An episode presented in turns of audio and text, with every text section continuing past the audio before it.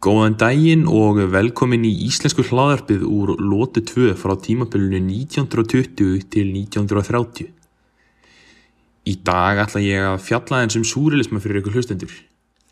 Einni ætla ég að lesa upp ljóð sem heitir Unglingurinn í skóginum og benda á enginni stefnunar sem kemur fram í þessum frábæra texta eftir rítundi virta, hann Haldur Lagsnes. En uh, við skulum fyrst fara yfir uh, orðið súrilisma bara. Sagt hefur verið að orðið súrilismi hafi komið frá skáldi að nafni Apolliner en það kom frá undirtilli úr leikriti sem hann samti árið 1917. Talið hefur verið að það hefur verið stopnað formlega árið 1924. Höfundur stefniskrárinnar sem var gerð 1924 var franski rítöfunundin og skáldið André Breton en hann stýrði henni og litu súrilistar á sig sem annar þráður pólitískar hreyfingar. En hvað er súrilismi? Sko, súrilismi næri við stórt svið og hann læti sér hveða í margvíslegum listum og greinum bókmynda til að myndi í ljóðum, kvikmyndum og skáldsögum og hefur það bæði áhrif á þjóðfélagslega og siðferðilega skýrskotun. Að vissu leiti er auðvildar að festa með ýmsum öðrum ströymum og stefnum og það mun koma til með að líta á þetta sem ákveðna hreyfingu sem hefur uppaf og endi, stopnandan og fóristuna og lók stefniskráin sem eru tvær og markmiðin og aðferðnar eru virkilega vel yfirfarnar. En hver er uppbrunni súrilisma? Uppbrunni súrilisma var á milli heimstyraldana Það sem myndaðist bókmæntastefna og listastefnan sem sagt um árið 1920 til 1940. Þessa stöfnur tók upp natni súrilisma.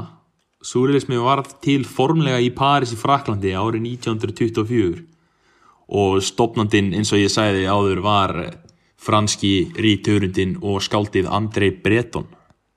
Súrilistar eru ekki ólíkir datistum að mörgu leiti báðir vildu, vildu hrist upp í hugmyndum okkar um lífið, upplifanir og skinnjun og vildu báðir fara upp á móti ríkjandi hugsunarháttum fólks.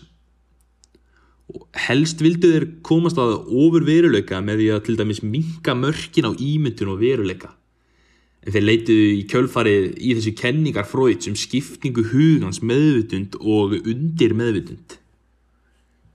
Megin aðferð súrilista er að félast í svo kallið automation og flæði hugsana sem orða það sem með yngripp vitsmuna án framrásari veit.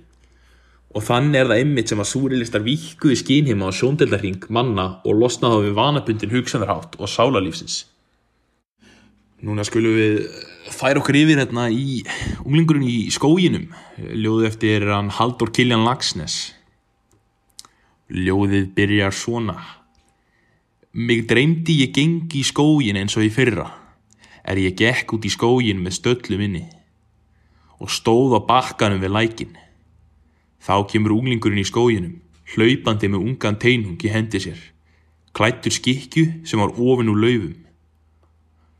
Hann lítur niður að læknum, eis vatni í lofa sér, þeitir í loft upp og segir Eia, eia, eia vatn, eia perlur, Eia leikur, leikur í sólskinni út í skói. Þú ert orðin fullkominn síðan í fyrra vor. Hver fór skógin? Kisti anemónur og hló. Anemónur og anemónur. Og fór að gráta. Táta, viðslings táta. Kondu litla nótin táta. Að kissa pótin táta. Út í skói.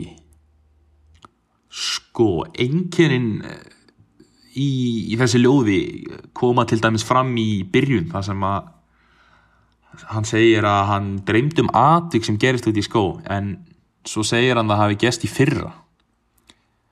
Þetta myndi ég persónulega telja sem súrilisma ljóðið er eins og þetta gerist í fyrra en segir eins og hann dreymdi þessa atbyrði en hver er enkenni listarinnar? Sko enginni listarinnar er bundin einhvers konar hefðum það sem að hugaði hlutin öðruvísi.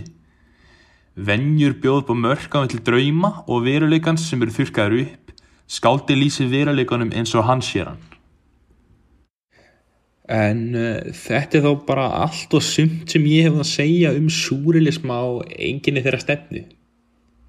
Ég heiti Bjarni Már Ástason og ég þakka fyrir mig.